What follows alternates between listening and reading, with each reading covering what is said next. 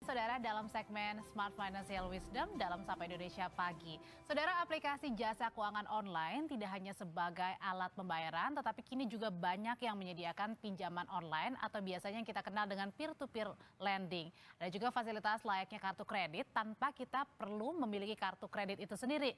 Lalu bagaimana kita menyikapi soal perkembangan ragam jenis jasa keuangan online ini menguntungkankah atau sebaliknya malah membuat kita buntu?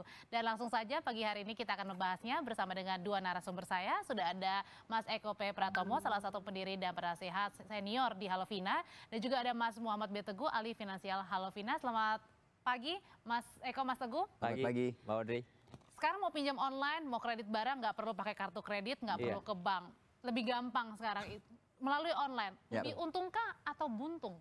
Uh, ini kan kayak pisau ya, bahwa dari kita bisa menggunakan untuk sesuatu yang baik, tapi kita juga bisa menggunakan buat yang tidak baik. Jadi semua akhirnya tergantung kepada kita sendiri. Jadi sebetulnya fasilitas-fasilitas yang ada, apalagi dengan adanya uh, smartphone ya, eh, jasa-jasa uh, keuangan yang sekarang dikenal dengan nama fintech, itu makin banyak memberikan fasilitas-fasilitas yang sebelumnya orang sulit untuk mengakses ke bank misalnya.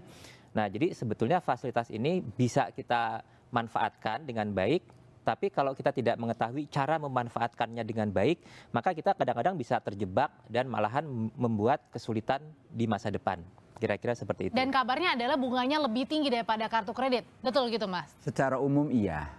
Secara umum iya. Jadi kalau kartu kredit kan pemerintah membatasi dengan maksimal 3% hmm. per bulan. Nah, kalau di uh, P2P ini ada juga fasilitas yang beli sekarang bayarnya nanti itu uh, bisa antara 2 sampai 5 persen. Itu itu jadi secara umum ada yang lebih rendah, ada yang lebih rendah, tapi lebih tinggi umumnya memang lebih tinggi dari uh, bunga kartu kredit. Jadi okay. selama ini kita berasumsi bahwa bunga kartu kredit adalah bunga yang paling tinggi. Nah, dengan ada fasilitas yang baru ini, sekarang ternyata yang lebih tinggi lagi. Dengan fasilitas yang baru ini, artinya lebih menguntungkan kita nggak sih sebagai konsumen atau sebaliknya menjebak kita? Jadi konsumennya ada dua dalam peer-to-peer. Konsumen pertama adalah konsumen pemodal, konsumen kedua adalah konsumen user atau pengguna atau peminjamnya, lendernya, peminjamnya lah. Nah, di dua ini dua-duanya masing-masing dimudahkan dengan cara dua-duanya prosesnya cepat. Oke. Okay. Jadi kemudahannya situ.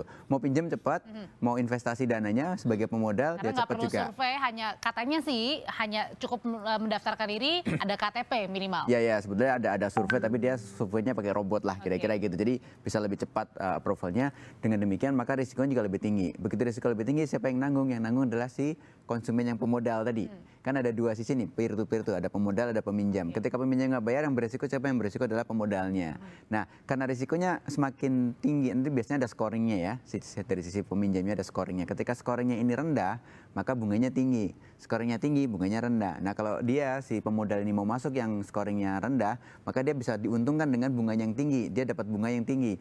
Tapi ketika bunga yang tinggi maka yang di sini bisa dikatakan yang buntung tadi kan gitu kan. Nah tapi kalau di scoringnya rendah dia bisa dapat fasilitas cepat dengan bunga yang rendah eh skornya tinggi maksudnya. Skornya tinggi artinya dia peminjam yang baik maka dia bisa mendapatkan pinjaman dengan bunga yang rendah dengan uh, proses yang cepat hmm. gitu. Jadi dari dua sisi itu. Tapi intinya gini apakah kita harus menggunakan fasilitas itu untuk berhutang? Okay. memang benar-benar kita membutuhkan utang atau tadinya nggak butuh utang tiba-tiba ada fasilitas ini jadi Sengaja mengutang gitu kan? nah, kalaupun berhutang uh, Mas Eko dan Mas ya. Teguh ini lebih baik ke mana? Ke kartu kredit kah atau tadi peer to peer lending kah? Sebelum ke kartu kredit peer to peer itu kan sebenarnya fasilitas ya. Okay. Kita perlu utang atau enggak dulu gitu. Misalkan gini, saya mau pergi jalan-jalan nih hmm. gitu kan. Saya butuh tiket, saya butuh hotel, saya butuh apalah ya segala keperluan saya untuk traveling ini. Kalau emang itu tujuannya traveling, mendingan ngumpulin dulu, nggak usah Oke, utang. Daripada ngutang. Ya, tapi jangan sampai gara-gara kita lihat-lihat aplikasi, eh boleh ya ternyata bayarnya nanti, misalkan gitu. Oh iya deh bayarnya nanti Apalagi aja. sekarang banyak penawaran loh mas, ya. bisa bayar bayarnya setahun kemudian, lalu kan kita bisa jalan-jalan tadi gitu ya. Betul. Nah kalau kalau kayak gitu kan kita harus lihat dulu. Sebenarnya harusnya nggak perlu pakai utang dong kalau mau jalan-jalan. Tapi kan ada beberapa kasus yang tiba-tiba kita harus pergi saat ini juga karena ada saudara yang kedukaan misalkan gitu. Berangkat hari ini juga kita lagi nggak punya uang. Ini bisa jadi alternatif untuk pembayarannya nanti kalau nanti bisa bayar atau harusnya sih memang kita punya dana darurat. In case dia nggak punya dana darurat, maka ya kita harus fas- gunakan fasilitas untuk memang sesuai dengan Oke, kebutuhan. kalau misalnya saya mau Ya. pinjam nih, darurat tadi katakanlah. Nah, eh, apa yang saya harus hindari, apa yang harus kemudian eh, kita cermati dalam penggunaan eh, peminjaman ini tanpa kartu kredit, alias tadi peer to peer lending atau eh, pay later supaya eh, banyak yang juga mengeluh saya dikejar-kejar bahkan kolega saya sampai diteleponin Iya, begitu betul. yang padahal Iya. nggak ada hubungannya. Iya. Ya memang kadang-kadang begini, eh, kalau kita melakukan pinjaman tanpa perencanaan, maka syarat utama kalau kita mau pinjam kan harusnya kita tahu bahwa kita bisa bayar Oke. dan kita tahu sumber untuk membayar dari mana gitu. Nah kalau semuanya serba dadakan, kemudian ter apa ya tergoda oleh sesuatu yang sebetulnya kita tidak tahu apakah kita bisa bayar atau tidak.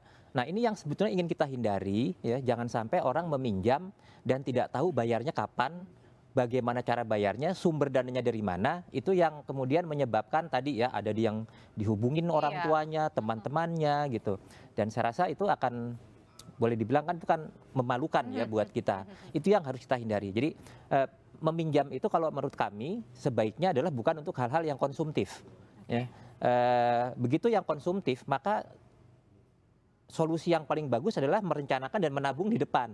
Baru kita eh, Menikmati. membelanjakan atau menikmati ketika kita sudah memiliki tabungan tersebut. Gitu. Oke, jadi pesannya yang disampaikan adalah boleh eh, berhutang untuk sesuatu tapi yang jelas begitu ya Ya. untuk digunakan untuk apa Ya. dan kemudian sanggup nggak sih bayarnya betul ya Mas ya? Betul, sanggup bayar dan direncanakan. Oke. Jangan dadakan-dadakan. Karena kalau dadakan-dadakan Ya. nanti mau pakai kartu kredit, mau pakai peer to peer atau pakai pinjaman yang lain juga ujung-ujungnya kalau nggak bisa bayar, Oke. kita juga yang kena Betul. untungnya tadi itu.